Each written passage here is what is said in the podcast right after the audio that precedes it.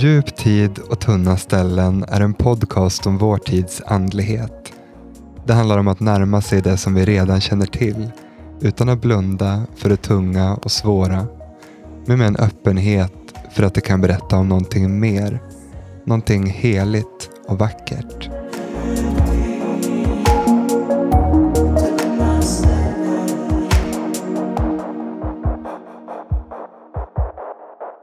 Jag heter Aron Norrhava och är präst och meditationslärare och författare till boken Djup tid och tunna ställen utgiven av Verbum.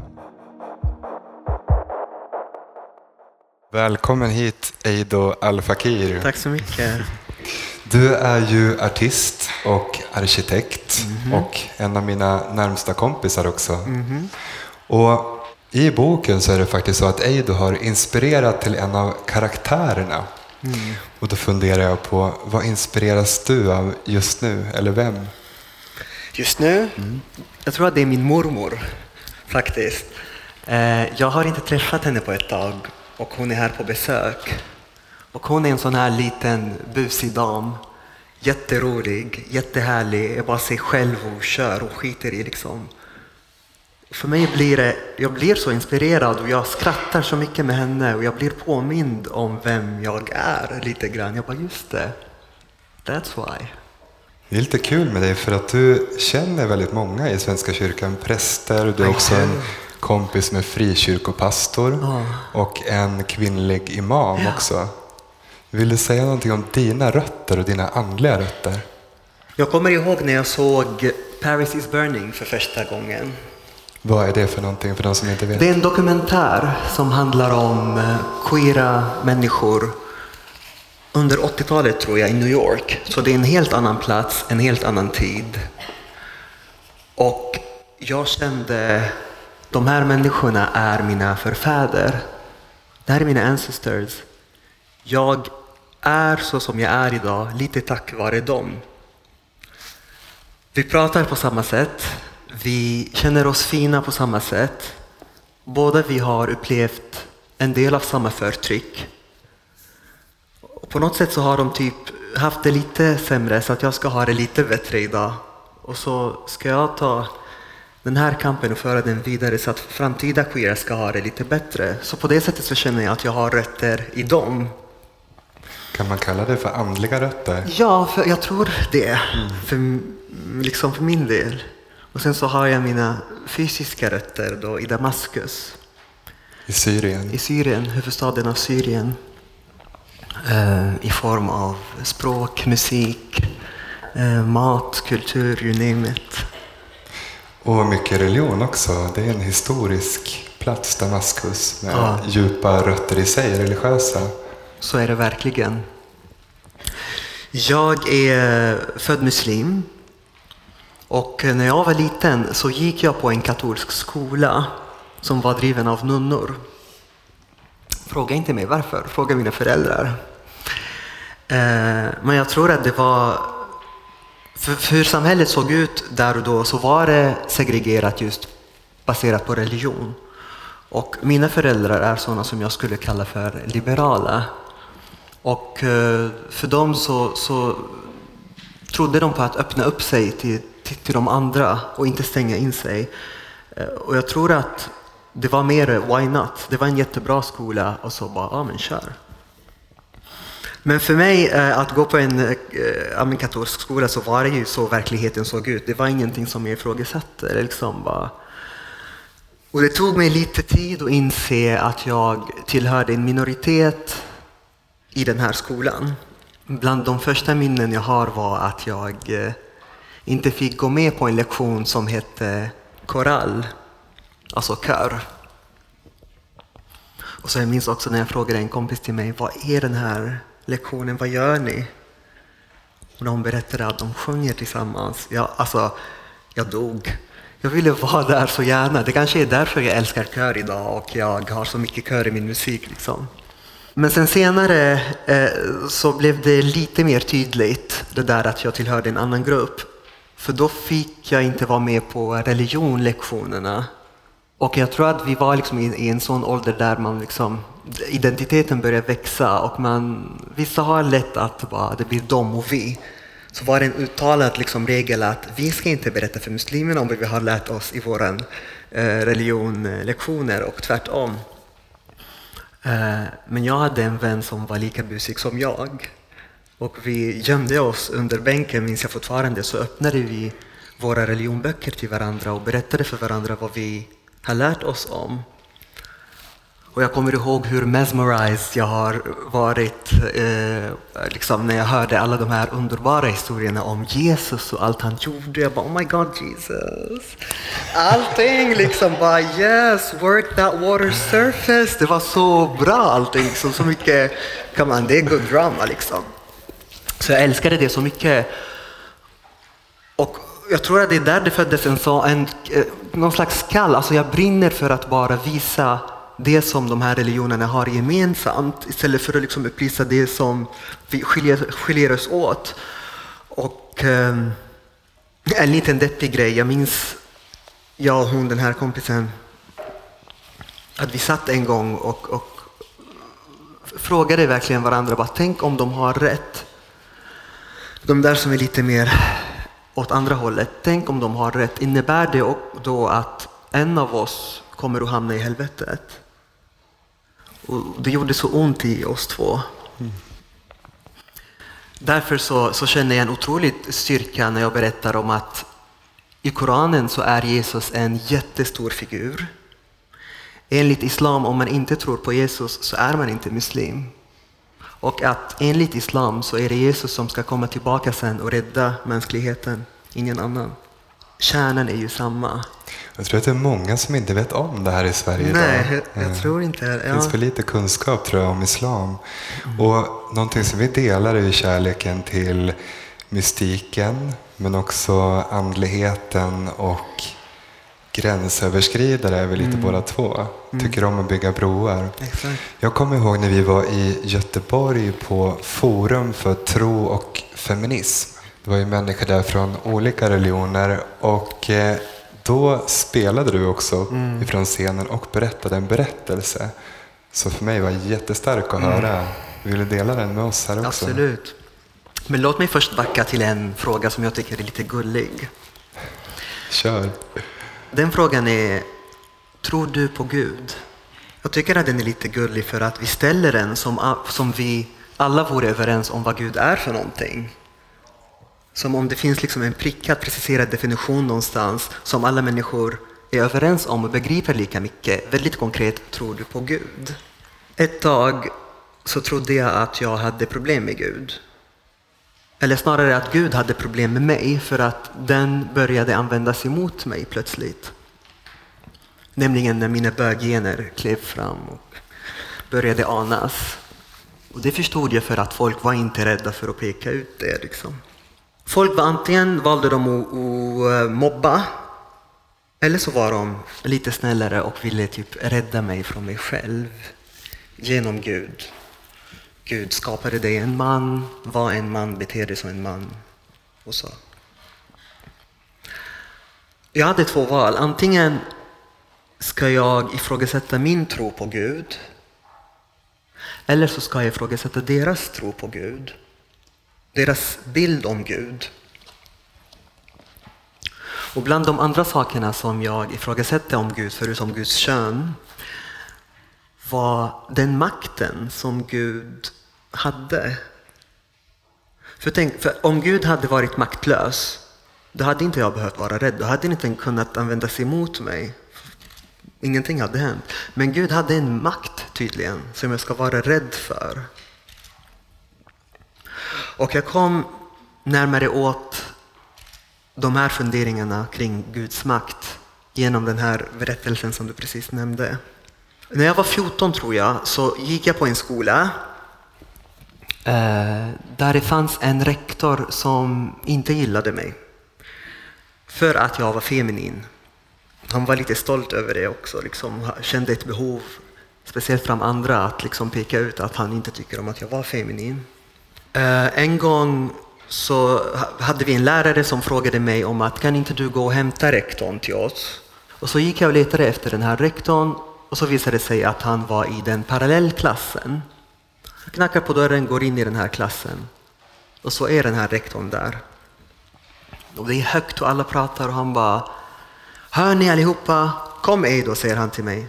Då kommer jag fram. Han ställer mig så här framför hela klassen och säger Titta allihopa, det är så en flickpojke ser ut. Jag känner hela min kropp att jag inte vill vara där.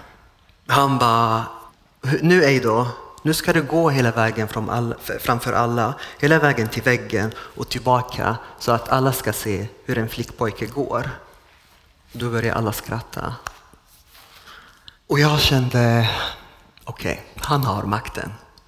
Jag ska gå. Det är ingenting jag kan ändra.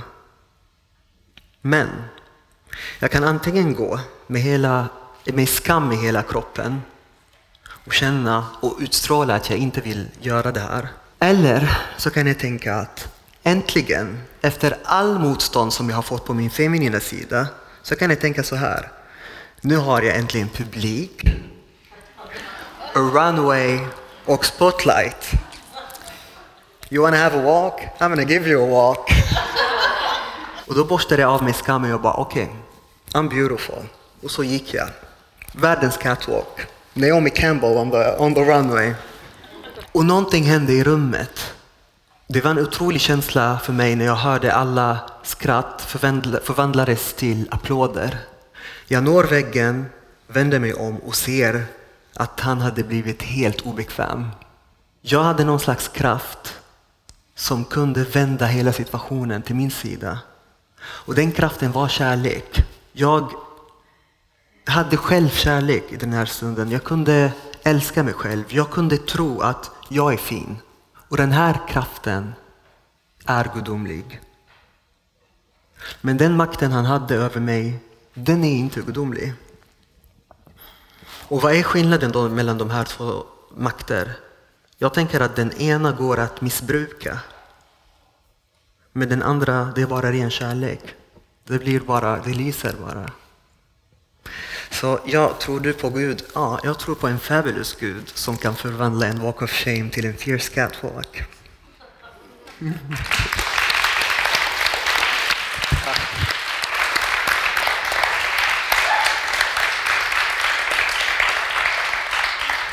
Och du berättar hur någonting hände där i rummet. Det händer ju någonting här i rummet också, eller hur? Nej, du berättar.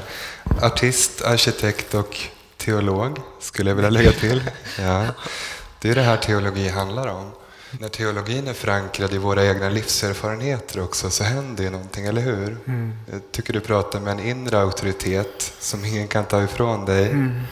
Och jag kallar det för evangelium då, som stående i kyrkans tradition. Vi ska ju prata idag på temat Gud i drag. Mm. Och eh, vi tittar ju båda på en tv-serie som heter RuPaul's Drag Race. Mm. Är det fler som tittar på den? Ja, vad bra. Ja, några. Vi ska berätta lite mer om den. Men som jag tror gör just det här för oss som tittar. Det är ett väldigt befriande budskap. Mm. Det är människor som kommer med sina liv, ofta med sin smärta och sin kamp. Mm. Reser sig ur askan som fenixar mm. och eh, går stolt, sprider ut sina vingar. Mm. Och jag kommer samtidigt ihåg när jag var liten, jag gillade också att springa i höga klackar och ha läppstift och låna pärlhalsband och sådär. Mm. Brukade ha en liten dragshow varje nyårsafton. Härligt. Hemma fick jag ju jättemycket kärlek och uppmuntran. Mm. Pappa filmade och liksom, morsan lånade glatt ut sina alldeles för stora attiraljer. Men mm. sen så kom ju skolåldern. Ja, då togs man ur det där. Och viktigt att nämna också när vi pratar om hbtq-communityt och inte minst drag race som vi kommer in på, att det finns ju också mycket smärta som inte är förlöst. Mm. Där står vi idag på den här planeten med saker mm. som händer. Och samtidigt så tror jag att vi mer än någonsin behöver berättelserna om mm. också hur människor blir uppresta och reser upp varandra. Det är ett mm. väldigt kraftfullt vittnesbörd, eller hur? För de som inte vet, vill du berätta lite om Drag Race, tv-serien? Fabulousness. Dra Drag Race är ju precis en tävling som jag tror att den beskrevs som, ni vet Tara Banks hade en top model tävling, så ska man välja liksom the best model. Det här är typ samma fast till drag queens. Det är så befriande för mig för att det som jag tycker Drag Race har lyckats att göra det är att ta en kultur som har legat i skuggan genom liksom hela tiden och eh, som har varit underground och gör den till mainstream. Och det är en otrolig kraft för nu vågar jag vara feminin och uttrycka min feminina sida och känna mig vacker i det och framförallt få kärlek tillbaka. Innan så var folk lite mer rädda och de som, hade, som, de som tyckte om den här sidan var kanske lite mer rädda att visa kärlek. Nu vågar de göra det för att det, det är överallt liksom. Ja, men alltså när jag såg den första gången så tänkte jag, men vad är det här? Att det var lite billig produktion så här i första avsnitten. Mm. Jag tyckte faktiskt att det verkade ganska ytligt först. Jag såg bara ryschpyschet och folk som skränade åt varandra. Men så sa min kompis Martin från Filippinerna, du måste titta igen, men börja en bit in i serien, för om du är press så kommer du att fatta. Och så blev det ju. Jag blev otroligt berörd utifrån just det här vi pratar om. Mm. Och det är också så att det är väldigt många utanför vårt community, hbtq-community, som mm. tittar. Det här är ju en global succé idag. Mm. Och när Oprah Winfrey då intervjuar RuPaul, mm. programledaren, så frågar hon honom liksom, vilka människor är det som tittar? Varför har det blivit så stort? Och då säger han, ofta människor som är lite känsligare mm. än vad den här världen tillåter. Men också att även om de här erfarenheterna är ganska specifika ibland så finns det ju någonting också universellt i dem. Mm. Alltså vem har inte smärta i sitt liv eller erfarenheter av att komma utanför? Och att man relaterar. Identitet är ju otroligt spännande mm. men också väldigt komplext. Jag tycker om vad Ru sa att när han var liten pojke så handlade det framförallt om att få använda alla kritorna i färgskalan. Mm. Och det kan jag känna igen mig i. Det vill man också erbjuda barn idag. Att få chansen att prova uttrycken. Mm. Se efter vem man är. Det var också lustigt när Oprah frågade RuPaul just om vad det är som, varför det har blivit så stort. Då säger han också så här. Because it's about death and resurrection. Ja. För att det handlar om död och uppståndelse mm. i människors liv. tänker du när du hör det? Jag tänker så här. Jag kommer ihåg första gången jag hörde någon säga till mig allt är politik. Och det var som svar på när jag sa ah, jag vet inte om jag är intresserad av politik. Han bara jo du är det men du fattar inte det. På samma sätt när folk undrar varför RuPaul's Drag Race är en spirituell, eh, spirituellt program Alltså, jag tror att allt är spiritual. Om vi förstår det eller inte så är det ju det. Och precis som RuPaul säger när han, när han säger “We're all born naked and the rest is drag”. Sättet vi navigerar oss genom livet, oavsett hur det ser ut så är det någon form av, av drag. Och jag tror att alla vi människor försöker navigera, navigera oss genom livet. Men just i det här programmet så blir det väldigt, väldigt tydligt mm hur de gör det. Det visuella blir så färgstarkt och så lätt att ta till sig. Men kärnan är ju universell. Mm. Så jag tror att alla kan känna igen sig i just den här biten. Och det djupa allvaret kommer med en massa strass och glitter. Det är inte mm. så ovanligt i andliga sammanhang. Eller det är inte så vanligt.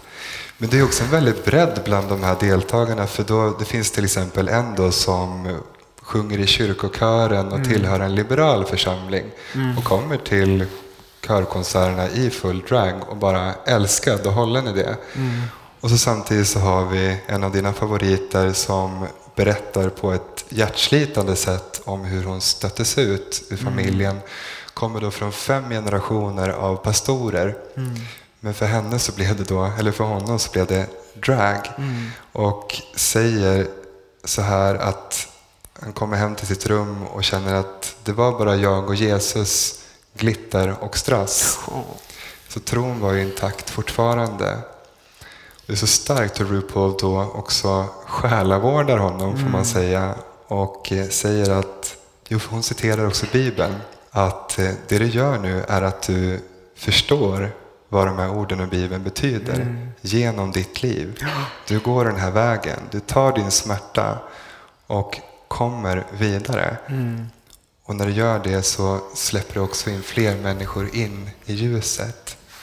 Jag älskar det här. Ja. Vi pratar om tro och erfarenhetsdimensionen. Vi kallar det för mystik mm. i kristen tradition. Det fanns en teolog som heter Karl Rahner som omkring andra Vatikankonciliet sa framtidens kristna är mystiker. Mm. Eller så är de inte alls. Vi får se hur det blir med det. Men det är ju någonting i mystiken. Ja. Och du och jag har pratat en del om sufismen som är islams mystika gren. Mm. Det jag älskar med mystiken, att jag känner att liksom skönhet blir så essentiell i, i, den här, i det här ämnet. Och för mig så blir det så påtagligt genom poesi. Jag är uppvuxen med poesi, jag älskar vackra ord och, och sådär. Eh, och jag tänkte läsa upp en dikt av Ibn al-Arabi om jag får det. Ja, kör. Som jag tror innehåller mycket av det jag försöker säga. Det är fyra rader.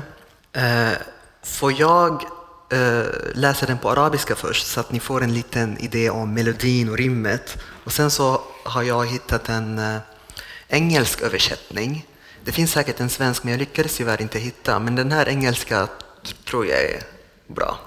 لقد كنت قبل اليوم أنكر صاحبي إذا لم يكن ديني إلى دينه داني لقد صار قلبي قابلا كل صورة فمرعا لغزلان ودير لرهبان وبيت لأوثان وكعبد طائف وألواح توراة ومصحف قرآن أدين بدين الحب أن توجهت ركائبه فالحب ديني وإيماني There was a time when I blamed my companion if his religion did not resemble mine. Now, my heart has become capable of every form. It is a pasture of gazelles and a monastery of Christian monks, a temple of idols and a Kaaba for the pilgrims, the tablets of the Torah and the book of the Quran. I believe in the religion of love, whatever direction its caravans may take. For love is my religion and my faith. Tack. Och Ibn al-Arabi är också en av sufismens förgrundsgestalter, eller hur? Bland de, typ, bland de absolut tidigaste och mest kända namn, mm. tror jag. Och jag tror att den här dikten innehåller det till exempel vi pratade om lite innan, att försöka hitta kärnan i allting och att kärnan, religion in drag, låt oss mm. säga. Kärnan i alla religioner är ju samma, men paketeringen kan ändras. Och det vore synd att vi stannar vid paketeringen och inte ser det som är bakom, som är exakt likadant. När RuPaul själv pratar om Gud i drag då, så mm. säger han att han insåg ganska tidigt att eh, allting är förgängligt. Pudret, ögonfransarna, men också våra mänskliga kroppar. Och fylldes också av en oerhörd vördnad över hur skört det är. Mm. Att det är någonting vi ska ta hand om och mm. fira. Men också att vi inte får ta det på för stort allvar. Nej formen, mm. utsidan. För eh, om man tänker vad RuPaul och eh, Drag Race kan lära oss, tänker jag. Mm. Då kanske vi ska zooma in på några centrala begrepp. Kör. Mm. Vad tänker du om jag säger den inre sabotören? Oh my god. Det här är, det här är så typiskt Fru, han älskar det här. Alltså jag tror att den the inner saboteur som han beskriver det, jag tror inte att det är någonting som vi föds med, utan det är någonting som vi matas med under livet. För mig blir det jättetydligt i min erfarenhet att komma ut. Där kan min inner saboteur beskrivas väldigt, väldigt väl. Det finns en trygghet i garderoben som jag förstår. Därför så var jag i garderoben ett tag. Men det finns även mörker i garderoben. som man måste väga, väga upp mot den här tryggheten ibland. Och det mörkret för mig har varit att glida isär från mig själv. Jag valde att tysta ner min, den inre rösten som var ärlig och genuin och eh, mitt kall, låt oss säga en magkänsla som berättade för mig vem jag var. Jag tystade ner den här rösten och valde att lyssna på andra röster utifrån. Inte för att they made sense, utan för att de var, de var för många och för högljudda. Liksom. Jag var så trött på all motstånd och jag ville bli accepterad och älskad. Så jag slutade vara mig själv och jag försökte bli någon annan istället. Jag visste inte vem den här andra ska vara, så jag började dels harma andra som jag tyckte inte, var, inte liksom fick lika mycket motstånd. I mitt fall var det maskulina killar. Och dels, vilket var farligast nästan, så försökte jag bli vad jag trodde att de ville att jag ska bli. Och det farliga med det är att mina antaganden baserades på deras hat till den jag var. Och det kan bli väldigt mörkt. Med tiden så gled jag mer och mer isär från mig själv och mer och mer isär från mina känslor. Till slut så slutade jag känna. Jag slutade vara närvarande, jag blev stel, utan glöd. Och till slut så tyckte jag att jag inte var värd kärlek. Jag slutade älska mig själv. Och det är väldigt ironiskt om du tänker på det, för jag har ändrat mig själv för att bli älskad. Det slutade med att jag inte längre tyckte att jag var värd att bli älskad. Allt kändes falskt och jag, det var då det vändes för mig. För att jag insåg att jag redan hade förlorat mina närmaste genom att sätta en mur mellan jag och dem. De känner inte mig. De vet inte vem jag egentligen är. De älskar inte mig. De älskar, om de älskar, så är det någon annan som de älskar, inte jag. Och jag ville ge dem en ärlig chans att lära känna mig. Och för att kunna göra det så var jag tvungen att först lära känna mig själv. Och då bestämde jag för första gången att öppna dörren för mig själv. Öppna dörren och titta och se skelettet som bor inne i garderoben. Och när jag gjorde det så såg skelettet jättevackert ut i ljuset. För i mörkret så är man lite rädd för den här figuren, men i ljuset så var det ingenting att vara rädd för. Det var bara vackert. Så jag kom ut först till mig själv och började komma närmare och närmare mig själv och närmare och närmare mina känslor och blev gladare. Och jag skulle faktiskt kunna säga att ju närmare jag kom mig själv, desto närmare jag kom Gud. Det finns ju ett uttryck som RuPaul använder just ur kyrkans vokabulär också. Mm. Att dö och födas på nytt. Just det. Mörker och ljus. Ja, exakt. Och eh, till slut så kom jag ut till de här jag älskar. Men då, var jag, då stod jag på en väldigt stark mark som var i självkärlek. Och det tror jag spelade en stor roll i hur de tog emot mig. Och det är jag jättetacksam för att jag gjorde. Your presence is your power. Eller hur? Mm. Mm. En eh, annan mystiker som vi gillar, Taylor de Chardin, mm -hmm. tror jag man säger på franska, har sagt så här. Mm.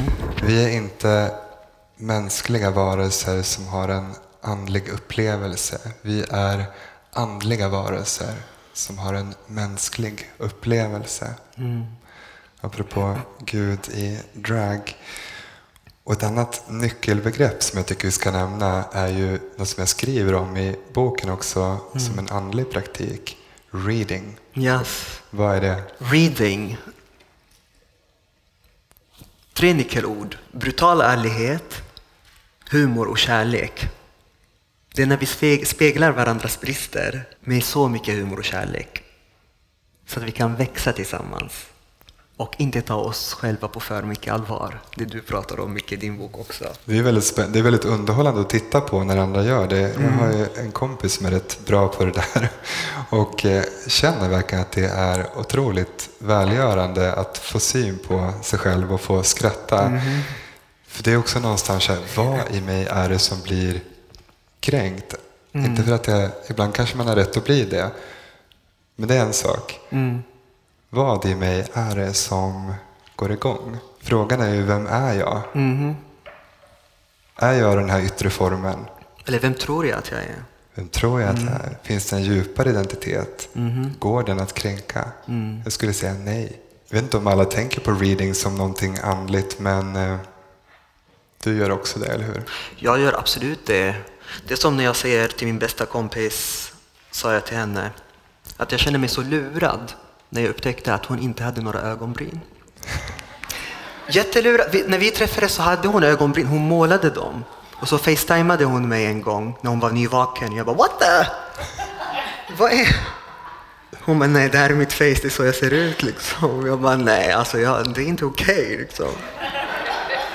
Hon skrattar för att alltså, den kärleken vi har till varandra är så himla etablerad och hon vet att jag tycker att hon är världens vackraste med eller utan ögonbryn. Hon retar mig också på min brytning och när jag säger konstiga saker på svenska. Eh, Så för mig är det ett sätt att, att kunna ha kul med livet. Eh, Alltså det vore så synd att vi bara liksom blickar tillbaka och shit, vi glömde skratta, vi glömde ha kul. Det, det tror jag är lite heligt. Det tror jag också. Någonting som jag tyckte var spännande med en filosof som heter John O'Donohue, tror vi har pratat om det här någon gång. Han skiljer på skönhet och glamour. Oh my god, okej. Nej, Det är hans definitioner. Hans definition av glamour då är kanske inte så positiv som den är för dig, men vad han vill säga är att det finns ju också någonting med skönhet som en massiv kommersiell industri som också väcker mycket lidande i världen, inte minst bland unga människor. Pekar på den som en slags tom skönhet, alltså vi fixar, vi fixar, men det blir liksom aldrig tillräckligt. Mer, mer, mer. Mycket bekräftelse i det. Och så lyfter han då fram skönhet som någonting som kommer inifrån. Alltså ett ansikte, ett par ögon, en kontakt. Jag gillar de här begreppen men jag måste ju säga att eh, inte sällan så har jag också mött skönheten mitt i glamouren.